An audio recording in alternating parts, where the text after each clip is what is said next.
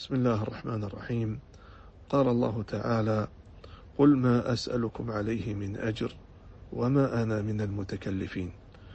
أمر الله عز وجل نبيه صلى الله عليه وسلم أن ينفي عن نفسه هذين الأمرين.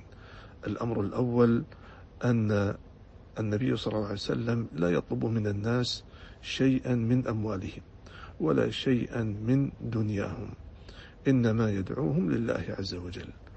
والأمر الثاني أن الدين الذي أنزله الله عز وجل وبعث به الأنبياء والرسل ليس فيه تكلف وليس فيه غموض وليس فيه صعوبة في فهمه بل هو أمر واضح بين.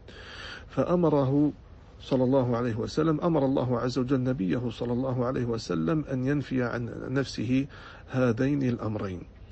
فمن اهتدى بهدي الله عز وجل واستنى بسنة رسوله صلى الله عليه وسلم واتبع ما كان عليه الصحابة رضي الله عنهم علم علم اليقين أن الأديان والفرق والطوائف والأحزاب السياسية والجماعات وغير ذلك إنما تنبع ينبع انحرافهم عن هذين الأمرين إما طلب شيء من الدنيا وإما فيه التكلف والتعسف والتعمق في الدين الذي لم يأمر الله عز وجل به ولم يأتي به النبي صلى الله عليه وسلم.